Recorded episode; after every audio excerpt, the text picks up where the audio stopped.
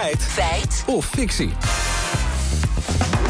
De bijbaantjes. Ja, steeds meer jongeren hebben een bijbaan. Opvallend is vooral de toename onder 15 en 16-jarigen, blijkt uit cijfers van het CBS. Ze werken gemiddeld 9 uur per week. En volgens CBS-socioloog Tanja Traag kun je afvragen of dat verstandig is als ze zich ook nog op school moeten richten. Ze gaan fulltime naar school en dan is 9 uur werken best substantieel, zegt ze in de Telegraaf. Ja, en de vraag is, wat bedoelt ze daar dan mee? Een bijbaan van 9 uur na school is substantieel. Ja, nou, dat zijn we gaan checken. Eerst maar eens bij Tanja Traag van het eh, CBS zelf. Die legt even uit wat ze dan met dat woord substantieel bedoelt. Als kinderen in een spagaat komen tussen... Um, moet ik nu mijn werkgever die iets van mij vraagt uh, bedienen... of moet ik me focussen op mijn huiswerk? Dat is misschien wel een risico, een reëel risico waar je tegenaan loopt... als kinderen dit soort extra uren naast hun school moeten gaan doen. Ja, ruim 62 procent van de 15- en 16-jarigen heeft tegenwoordig een bijbaan. Begin 2021 was dat nog maar ruim 47 procent.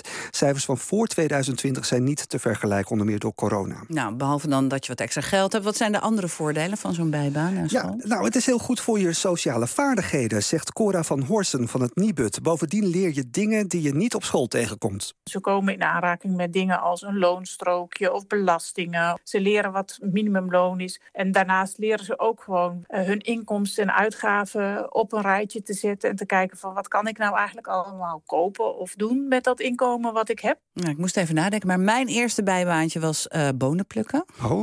Waar werken scholieren nu voornamelijk? Nou, ik denk niet bonen plukken, Nee? maar het traag noemt even de top 5 bijbanen. Het meest populaire bijbaantje is nog steeds voor deze leeftijdsgroep vakken vullen. Verder zien we dat uh, kinderen uh, in de keuken werken, bij restaurants bijvoorbeeld als, uh, als afwashulp en in de bediening. En in de winkels kom je ook heel veel jongeren tegen met een bijbaantje, zowel in de verkoop als achter de kassa. Ja, maar wat is de invloed van zo'n bijbaan op je schoolprestaties? Ja, Maarten Wolbers is hoogleraar sociologie aan de Radboud Universiteit en hij deed daar onderzoek naar. Daaruit blijkt dat er wel een negatieve samenhang is tussen het hebben van een bijbaantje en schoolprestaties. Allereerst is het zo dat naarmate jongeren meer uren in de week werken, dat dat uh, negatieve resultaten zal hebben voor de schoolprestaties. Verder is het zo dat een baan die zeg maar in de late uren gedaan moet worden, bijvoorbeeld in de horeca, dat die ook negatiever uitpakken dan bijvoorbeeld uh, iets als oppassen of in een winkel werken. Maar let op, slechte schoolprestaties worden niet per se veroorzaakt door die bijbaan, zegt Wolbers. Het is zoals we dat noemen een zogenoemd schijnverband. Het is zo dat dezelfde factoren die scholieren tot werk aanzetten hun schoolprestaties negatief beïnvloeden. Het zijn leerlingen met minder motivatie voor school. Dat maakt dat ze eerder een bijbaantje gaan zoeken en tegelijkertijd ook betekent dat ze over het algemeen minder goede prestaties op school behalen.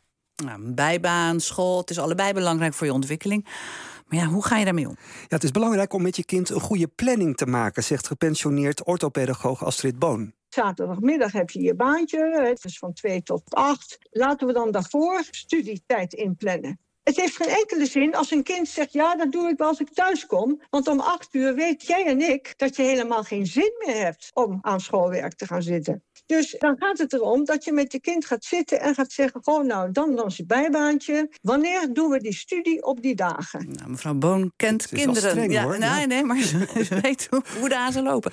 Goed, dan, wat is dan de conclusie? Ja, is een bijbaan van 9 uur naast je studie substantieel, zoals Tanja Traag van het CBS in de Telegraaf zegt? Nou, voor de een kan dat wel zo zijn, voor de ander niet. En daarom zeggen we, ja, dat kun je in een algemene zin niet zo stellen. En daarom is de uitspraak fictie.